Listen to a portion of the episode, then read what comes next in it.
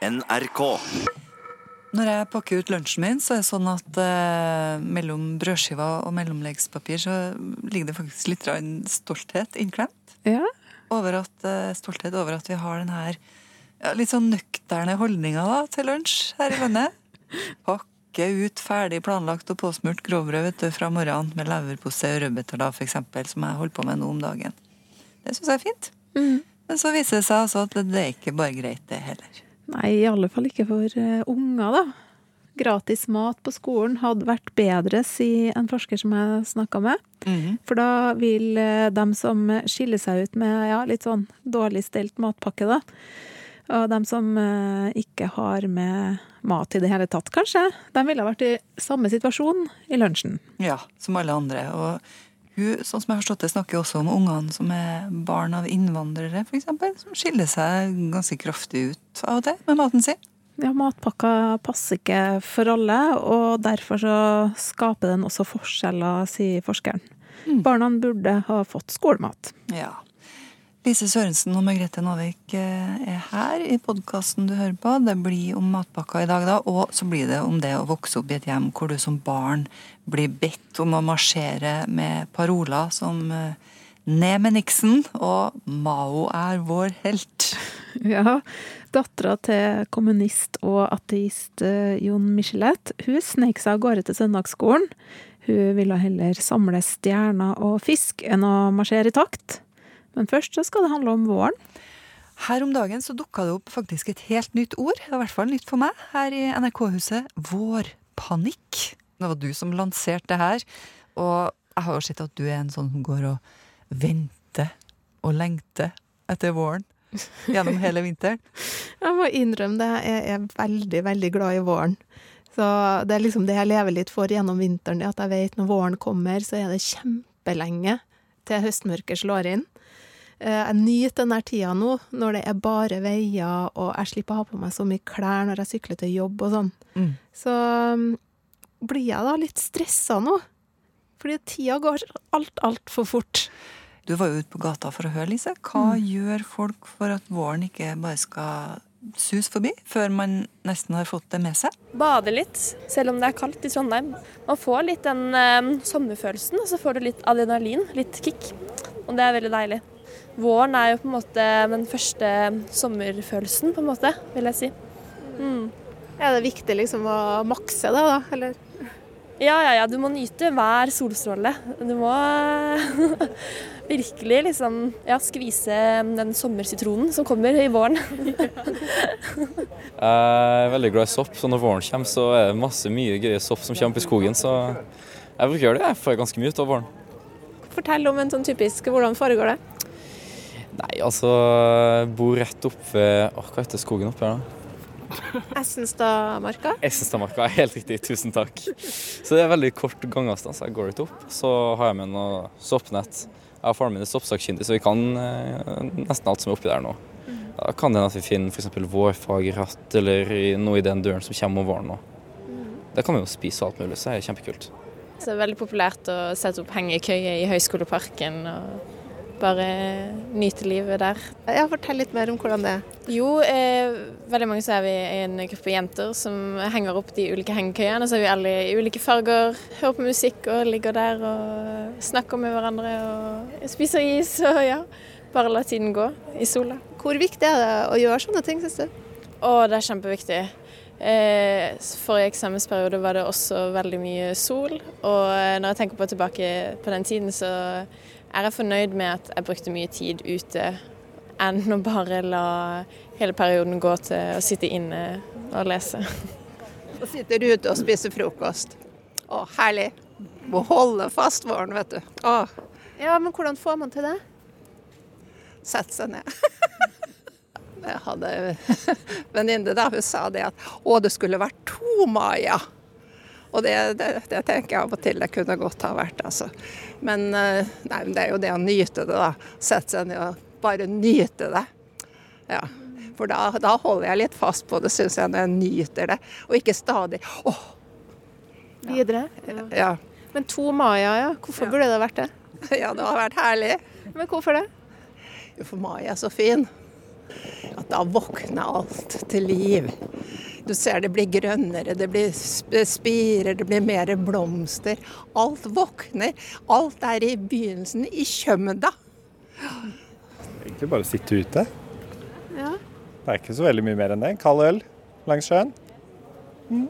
Men, men, er du bevisst på at du liksom må gjøre noen sånne ting for å være til stede i åren? Det var vel litt mer sånn før at vi stressa over at nå er sommeren her, nå har vi to dager på oss på å kose oss. Eh, men nå slår jo global oppvarming imot oss, holdt jeg på å si, og endelig for oss. Så nå, jo, nå har vi jo godvær og sol, og, så man trenger ikke å stresse så mye. Det er Ta livet med ro, gå ut når man vil, og la det være hygge. Og godt, kanskje. Gå tur. Da føler man seg, hvis man går en sein tur, eller seint på kvelden når det fortsatt er lyst ute, da føler jeg at det er skikkelig sommer og får eh, deg, sånn, ja, god følelse. Mm. Kjøp en ny solbriller. Det finner jeg mye glede i. Ja, noen eh, sånne vårforlengelser må du betale for, men det meste er aldeles gratis, tror jeg vi kan si.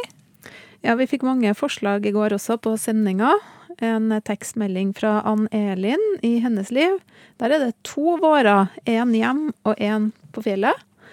For der, på fjellet, kommer jo våren litt seinere. Det er en annen som skrev om det her i går òg. Einar Gjervold. Han eh, får tidlig vår i Oslo. Sein vår ved Røros. Det blir som å reise to-tre uker tilbake i tid, sier han. Jeg elsker våren. Den her følelsen av å kunne vasse i lys i det uendelige. Og så har han et tips til. da. Jobb med ved. Hogg, kapp, kløv og tørk. Men eh, jeg holdt jo litt fast i våren sist uke. Det går jo faktisk an i den jobben her. Vi kan ta med oss opptakeren ut, gjøre en avtale med et intervjuobjekt på plenen. Og den Ja. du var ute med, var Tanja Michelet. Ja. Dattera til Jon Michelet, det. Jon Michelet han var jo AKP-ML-mann på sin hals. Kommunist og ateist. Det her hang jo ofte sammen, på den tida i hvert fall. Og Tanja fikk altså disse parolene som hun gikk og marsjerte med. Eh, Ned med Nixon, Mao er vår helt. Da hun var barn. Ja. Litt et stykke unna min barndom, men hun, hun, hun ville heller på søndagsskolen, Tonje. Ja. Så hun snek seg av gårde uten at foreldrene visste om det. Og kosa seg ordentlig med å samle på fisk og stjerner og feste Jesusfigurer på flanellografen. Det fiksa hun. Ja, det her var høydepunktet i uka. Eh, Det var ikke alltid så lett å være dattera til Jon Michelet, men eh, det her utenforskapet da, som hun følte altså, på søndagsskolen, så var hun ikke helt innafor der heller, for hun var ikke døpt. Og hjem så kunne hun ikke snakke om denne gudstrua. Mm. Og denne utenforskapen har gjort henne veldig oppmerksom på alle som har det vanskelige sider. Dyr også. De kyllingene for eksempel, som hun kom over under et av sine opphold i Afrika. Jeg ble sendt til gettoveterinæren av min eksmann, og med en veldig dårlig sjåfør. Og så var det for, for å kjøpe kurer til disse syke dyra på gården. Det første som møtte meg hos denne røffe veterinæren i gettoen, det var noen flatklemte bokser med, med 200 små kyllinger som ikke hadde fått mat og drikke på flere dager. Og det er klart at Når du er i gettoen, i det området der, hvem bryr seg om noen små gule kyllinger i alt det de har å styre med? Det, eh, så jeg kjøpte alle kyllingene og ga til han sjåføren. Og det, jeg føler at dette er det beste bistandsprosjektet jeg har gjort. Jeg gjorde masse research først med han og hva jeg skulle gjøre. Og det er perfekt, for disse kyllingene blir jo da village chicken. Altså de går fritt, så han får ikke noe utgifter til fôr. Og han har da eh, Endelig har han penger til en mobil, for det har han ønska seg lenge. Så der følte jeg at jeg fikk til noe. Eh, vi greide å redde de kyllingene med en hårsbredd. Skal vi sette oss sånn at vi ser litt utover byen? da, kanskje? Ja. Har du lyst på kaffe, eller? ja, det For å si det mildt. Vil du ha en sånn? Eh, ja. Lilla eller blått sitteunderlag? Lilla. Tanja Michelet sitter på et lilla sitteunderlag ved Kristiansten festning i Trondheim. Tanja er dattera til Jon Michelet, bare for å ha det sagt. Jon Michelet, utdanna styrmann og journalist, men sjølproletarisert bryggesjauer på 70-tallet. Etter hvert redaktør i Klassekampen og beinhard ateist, som de fleste i kommunistbevegelsen den gangen. Det som foregikk i kirka ble kalt for kristenpreik. Eh, Så lærte jeg jo at eh, religion er en eller annen form for dumskap, mangel på opplysning. Opium for folket, som Marx sa. Mm. eh, religion ble bare feid bort og tia i hjel. Vi snakka ikke om sånne ting, så jeg hadde vel også en forutinntatthet overfor han. Og en veldig sånn en sånn slags redsel og angst i ryggmargen for å ikke skulle ikke lage noen problemer, ikke lage noen bølger. Hva skal jeg si? Jeg var bare redd og usikker hele tida. Og ikke komfortabel i min egen kropp. Altså, Men det var ett fristed for eh, Tanja. Dattera til ateisten sneik seg av gårde til søndagsskolen i barndommen. Allerede den gangen kjente hun at det her fellesskapet, det gjorde hun godt. Og jeg hadde det kjempefint der. Jeg fikk masse gullstjerner og følte at jeg fikk til den der tavla med filtfiguren, og jeg fikk til dette her. Men så kom det for en dag at Tanja var ikke døpt, og følte seg ikke lenger velkommen på søndagsskolen heller. Så, for drøye tre måneder siden, altså sånn 40 år senere omtrent, så ble Tanja døpt i kirka, endelig. Etter det så har det kommet reaksjoner fra gammelkommunistene, sier hun. Reaksjoner på at hun har meldt seg inn i kirka. eh, Rett etter at alt dette her hadde skjedd, så var jeg i Moss på et kjøpesenter, og så kom noen par emmelere jeg har kjent i mange år. Og da føltes det sånn OK, nå kommer de. Nå kommer de og tar meg. Og da, da sa jeg til dem at eh, det passer ikke nå, jeg skal gå. Og nei, nei, nei, nå tar vi en kaffe og en kake. Og så øh, fikk jeg da servert at øh, Hva er dette her for noe tull, da? At du har døpt deg? Hva er det for noe tull? Hva er dette for et stunt? Så en total um, nedvurdering av meg. Og et uh, krav om at jeg skulle forklare meg. Uh, så veldig intimiderende oppførsel. Jeg følte meg fanga i det. Og så var det uh, Ja, vi skjønner ikke hva som er problemet. Og så av og til så lurer jeg på er det jeg, har, jeg blitt, uh, har jeg blitt gal? Er det bare jeg som tror dette? Er dette her i mitt hode? Altså trua på en gud, tenker du på? Eller det, det som foregår rundt deg? Uh, Ja, det, altså eh, Det at de sier at det er ikke noe problem. Ja, sånn at det Er det bare du som opplever det Ja, sånn? ja, har alt dette vært i mitt Kan hode? det være det? Kan det være det? Nei, fordi jeg har Det har jeg forsikra meg om. Eh, det var nok en viss åpenhet i ML-miljøet for å være spirituell, kanskje. Men det å være i statskirka, det Og eh, igjen fikk det der hintet om ikke bare at jeg er en sviker, men altså dette med dumhet. Ja. Sånn. Så tanken er at det, å tro på en gud, det Mm. er dumskap. Og det er mangel på opplysning, liksom. liksom litt kørka. Ja. Du, nå har vi snakka litt om problemene med å vokse opp sånn som du har vokst opp. Mm. I et, et trangt miljø. Mm. Vi må jo snakke litt om det du har fått òg. Du har jo fått noen ting av det òg. Ja, et sosialt AK. engasjement. Ja, AKP-ML-miljøet. Mm. Jeg husker er en venninne veldig, veldig snobbete og livsfjern, riktignok er hun. Men eh, hun sa til meg å, det er så fint med deg, Tanja, for du har et sosialt engasjement. Er det et spørsmål om man skal ha det eller ikke? Det overraska meg. Selvfølgelig skal man ha det. Eh, og en, et eh, blikk for eh, verdens urettferdighet og verdens potensial til å bli veldig mye bedre. Og en, et blikk for et klasseskille som er urettferdig og ikke bra på noen måter. Hvordan Også i Norge. Hvordan slår det ut i livet ditt? Er det noe du gjør som, som er et utslag av den bakgrunnen din? For meg, Jeg skulle alltid ønske at jeg gjorde mer. Og jeg, helt fra jeg var liten, så har jeg hatt den der byrden på skuldrene. Hva skal jeg gjøre med Nixon, f.eks.? Stort ansvar. Så jeg ble jo sendt ut i barnedemonstrasjon og skrev paroler ned med Nixon. Mao er vår helt.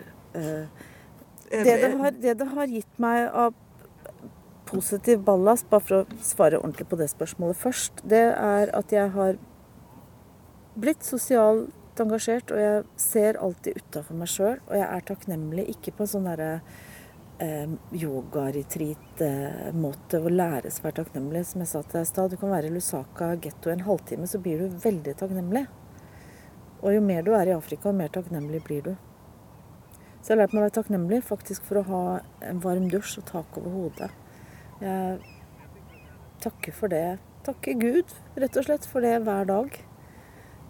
Eh, og jeg har lært meg en ydmykhet overfor alle som sliter.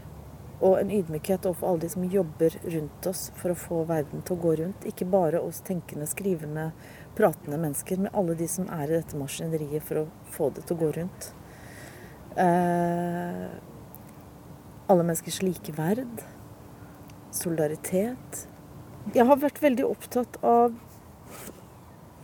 av all lidelse og vanskeligheter jeg ser rundt meg helt fra jeg var liten, og hatt denne, dette ønsket om å løse det. Jeg er nok også det man kaller i dag, så er det jo godtatt uh, å være et sensitivt barn. Uh, da jeg vokste opp, så var det skjerp deg. Slutt å syte. Men eh, altså, når du går ut i verden og støter på sånne urettferdigheter Mm. Det høres jo litt slitsomt ut å ha det sånn at du er nødt til å ordne opp i alt, da? Eller hva?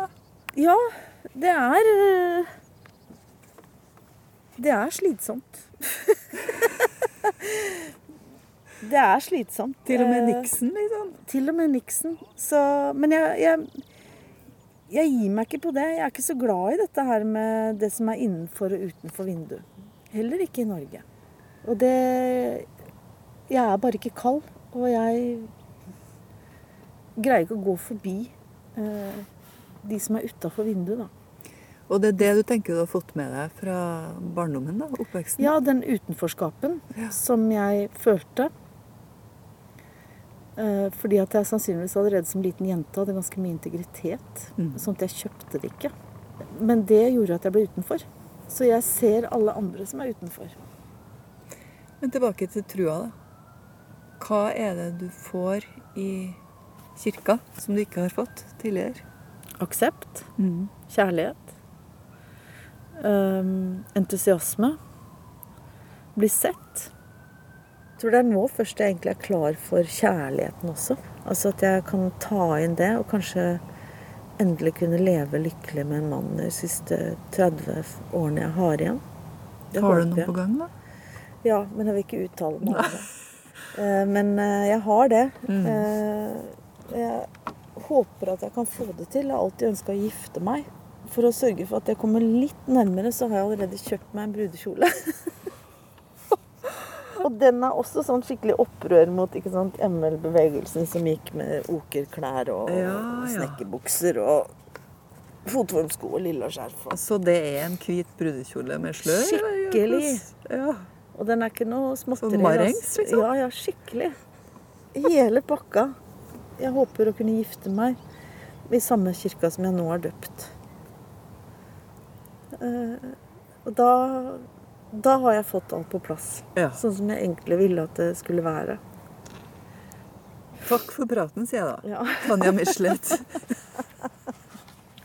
Tanja har eh, altså kjøpt bryllupskjole uten å ha noe sånn veldig håndfaste giftermål på gang. Du har faktisk det. Ganske dristig, spør du meg. Ja. Du, vi har eh, annonsert at vi skal snakke om matpakken. Mhm. Når du åpner matpakka, så kan de rundt deg se hvor du kommer fra, og om familien din har bra med penger eller ikke. Det sier matpakkeforsker Silje Elisabeth Skuland. Mm, derfor, så mener hun, bør vi ha gratis skolemat for alle. For matpakka, den skaper forskjeller. Jeg pleier å ha med eh, brødskive og yoghurt, og så mellombar. Jeg pleier å ha med meg bare sånn eh, rester fra middag og brødskive. Jentegjengen i 7. trinn på Strindheim skole viser frem matboksene sine. Eh, Jeg heter Ana. Margrethe. Jeg heter Sara. Johanna. Nora. Tora. Jeg pleier å ha med brødskiver brødskive og frukt. Brødskiver, yoghurt, frukt og middagsrester. De fleste har med det samme på skolen. Hvis du liksom har med sånn veldig La oss si du har med deg sånn hjemmelagd mat som ikke ser noe særlig godt ut. Så det kan være litt sånn flaut, siden det ser jo andre kanskje ikke syns det ser så veldig fristende ut. da. Så kan jo det oppleves litt som flaut, da. Ja, altså folk som kommer for eksempel fra andre land eller noe sånt som har annerledes mat, så kan jo på en måte det virke flau- flaut for dem å ha med mat som ser annerledes ut. Men hvorfor er det flaut, da? Fordi det er annerledes. Jeg vet ikke. Kanskje også være ekkelt hvis du har med deg noe mat som lukter skikkelig mye, liksom. så kan det være ekkelt og sånn Oi, det her lukta veldig mye. Og så er det veldig mange som kanskje kommenterer sånn Oi, det der lukta. Ja, så Matpakka den eh, lager man jo hjemme. Så den handler jo om hva man har og ikke har hjemme. Og den handler jo også om hvor man kommer fra. Det sier forsker Silje Elisabeth Skuland ved Forbruksforskningsinstituttet SIFO på Oslo OsloMet. Hun har intervjua minoritetsbarn og barn i fattige familier.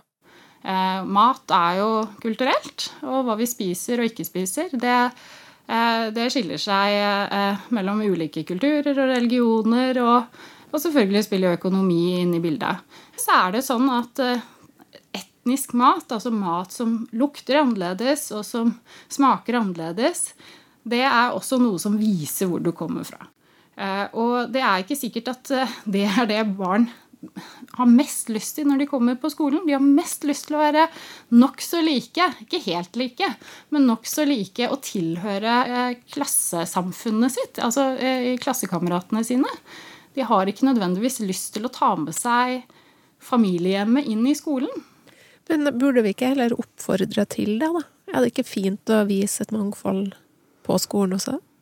Eh, jeg tror at eh, det vi må ta høyde for, eh, er at mens foreldre, eller voksne, veldig ofte har behov for å skille seg ut, f.eks. på jobb, at man har noen annerledes klær, at man er, har en eller annen smak, at det er viktig for oss å skille oss ut, så har ikke barn det samme behovet de har et behov for å tilhøre. Så jeg syns ikke nødvendigvis at vi skal oppfordre til det. Det er ikke nødvendigvis sånn at det er så veldig lett for barn å være annerledes. Men selvfølgelig, vi burde jo selvfølgelig jobbe med holdninger knyttet opp til det. En måte å gjøre det på er å eh, ha litt forskjellig type mat i skoleregi, og ikke nødvendigvis i foreldrenes regi. Eh, og eh, at det er viktig. Silje mener det er på høy tid med gratis skolemat. Man må ta høyde for at 16% av skolebarn i Norge har innvandrerbakgrunn, ifølge SSB, og at barnefattigdommen er økende. Den norske matpakka, som hovedsakelig består av brød, blir dyr for mange barnerike familier. Gratis skolemat tror jeg nok er egentlig det beste, for liksom at det skal bli mer likhet. da. Hvis vi har hatt mat på skolen, da, skolemat, så har kanskje det blitt mindre sånn at folk føler at det er ekkelt å ha med seg annen mat. Og da spiser jo alle sammen det samme, eller så spiser en i hvert fall nesten det samme. Altså, da virker det kanskje mer spennende å spise maten sin, og da får man kanskje mer lyst også.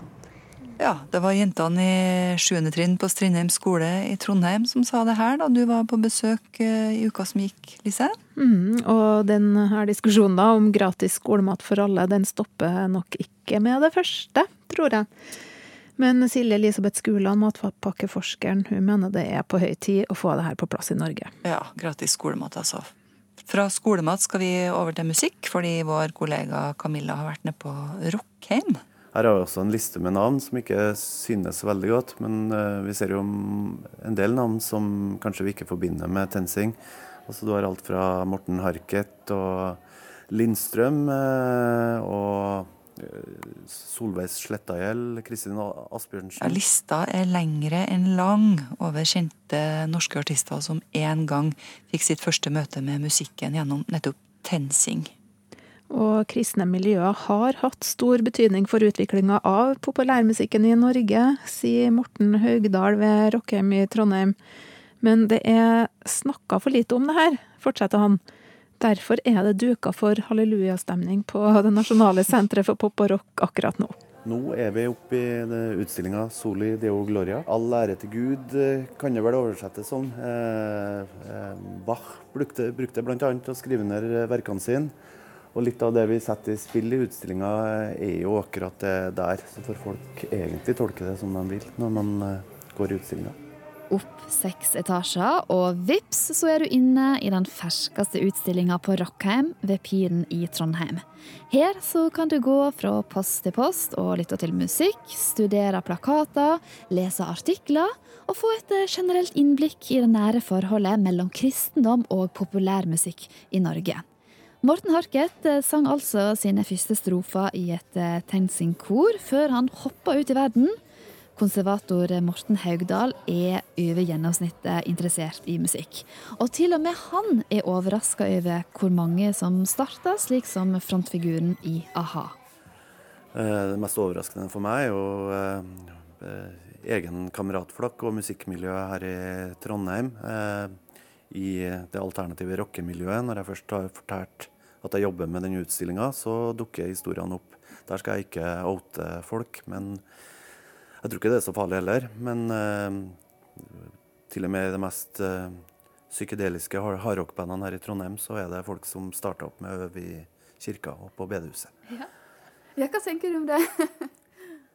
Nei, det gjør meg mer overbevist om dette er en historie som bør fram. da. Uh, for det her har vært kjempeviktig. Uh, vi har også et sitat her på veggen fra Audun Molde, som er musikkviter. Og det en av dem som har satt seg mest inn i populærmusikken her i Norge. Da, eh, som sier at TenSing har hatt langt større Det er en spissformulering, men han sier at TenSing har hatt en langt større innflytelse på rekrutteringa til norsk populærmusikk enn f.eks. punken, da, som har begynt å fått en veldig stor rolle når historien skal fortelles nå i de siste ti årene. fall. Men dette her har det blitt snakka for lite om, sier Morten Haugdal. I tillegg syns han at eh, kristen populærmusikk hadde fortjent større oppmerksomhet når vi ser på musikkhistorien. Fryktelig mye interessant og kul musikk også, som har kommet ut fra det miljøet, direkte ut fra det miljøet. Um, og Det har vært en sånn kjempefin ting når vi jobba med utstillinga. Jeg har oppdaga masse musikk som jeg ikke var klar over. Hvorfor tror du at det har vært så skjult, på en måte? Nei, det er jo litt eh, Det er mange grunner til det. og Det er litt av det vi prøver å fortelle om i utstillinga. Og det er absolutt mange grunner. En av tingene er jo også at uh, løssalgsaviser og sånt har vegra seg for å skrive om det, og også møtt denne musikken med masse fordommer. Men så skal det også sies at en del av artistene her har øh, kanskje følt seg litt til rette innafor den båsen som etter hvert har blitt skapt. Da. men det er begge delene. Eh, men jeg tror at verden forandrer seg, da, og jeg tror det er mer åpenhet for mye av dere nå. Så jeg er veldig glad for at vi tar tak i utstillinga ja. nå. Altså det at det er mer Altså det er lettere å si det nå, hvor viktig det har vært? Ja, jeg, jeg tror det. Dette eh, har vært en sånn det har vært en ganske sånn skjult del av musikkhistorien, og man ser det gang på gang når man oppsummerer norsk populærmusikks historie, og hvordan dette her kommer helt i glemmeboka. Det kan også si med Når man ser på 80-tallet 80 og ser f.eks. en uh, artist som Solveig Leithaug, uh, aldri blir nevnt, som ga ut flere solide plater. og det syns jeg er fryktelig underlig. Også med tanke på eh, at hun var en ung kvinnelig artist som komponerte alt sjøl. Spilte eh, fryktelig bra på gitar og ja, laga alt sjøl og sto fram som en komplett artist fra start av. Og likevel ikke, ikke ble mye omtalt utenom, eh, utenom eh, de kristne musikkmagasinene på den tida og det miljøet. Det er konservator Morten Haugdal som sier det her. Og Rockheim er det nasjonale museet for pop og rock, om du skulle være i tvil. Det, der står altså denne utstillinga Soli Deo Gloria. Mm. Bare å komme til Trondheim og se. Du har faktisk hele året på deg, for utstillinga står helt fram til nyttår. Den. Det var Camilla Kjønn Tingvold da, som var nede og kikka her om dagen. Og kanskje torsdag er dagen for å ta turen til Rockheim hvis det er åpent der, da? Ja, hvis det er åpent. Ja, for det er fridag torsdag igjen for de fleste, da. Mm -hmm. Kristi himmelfartsdag? Det står jo skrevet da, i de hellige skrifter at Jesus ble løfta opp til himmelen. Ifølge bibelske fortellinger skal Jesus nå sitte ved Guds side. Men hvilket bilde har folk av det her? Og hvordan er det egentlig i himmelen? Og hvordan foregikk denne reisa? Du var ute på gata for å spørre. Jeg bare ser for meg at han bare flakser litt med hendene og bare sånn oppover. Jeg vet ikke hvordan det så ut, om det var noen spesielle effekter. Jeg tror det var uten spesielle effekter. Og plutselig så lurer folk på hva som skjer, om de bare ser syn, eller altså om de ble lurt av sine egne øyne. Om hva er det som skjedde egentlig? Er, er det her bare en drøm, eller er det virkelighet? Men hvordan tror du det er der han kom, da? Det var fint. Veldig fint, vakkert. Det tror jeg. Men tror du du kommer dit eh, når du dør? Nei. Jeg tror jeg reinkarnerer og blir et nytt menneske. Du har jo lest eh, 'Brødrene Løvehjerte' av Astrid Lindgren.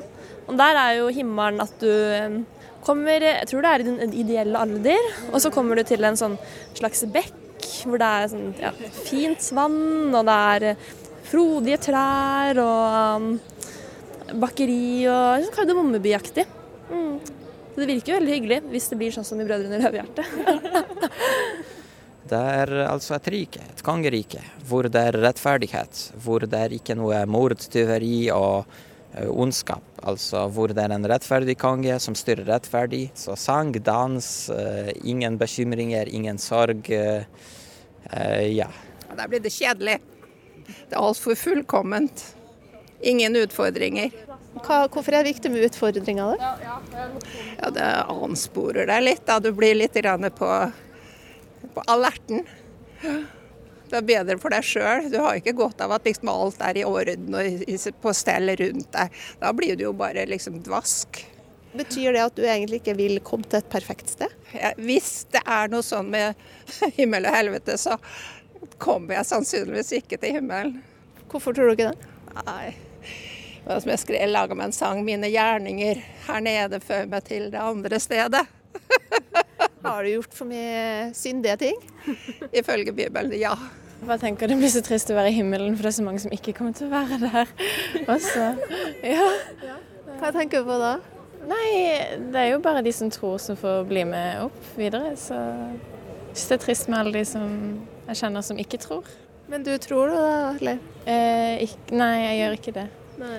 Eh, men jeg har veldig mange venner som gjør det, og lever i sånn kristne miljøer og sånt. Men uh, har du noen tanker om, eh, hvis det fantes en himmel, hvordan det ville ha vært der? Eller hvordan kunne du ønske at det var der? Eh, det som er morsomt for når man spør forskjellige personer, så er det jo bare forteller de bare om hva de syns er veldig gøy og hyggelig, og bare sin drømmeverden, på en måte. Ja. Så jeg tror den hadde vært for alle. Kanskje ikke himmelen er det vi bør tenke mest på, kanskje vi heller burde tenke på det vi lever i akkurat nå. Ta hver dag som det kommer, eh, gjør det man syns er gøy. Selvfølgelig av og til så må du på jobb.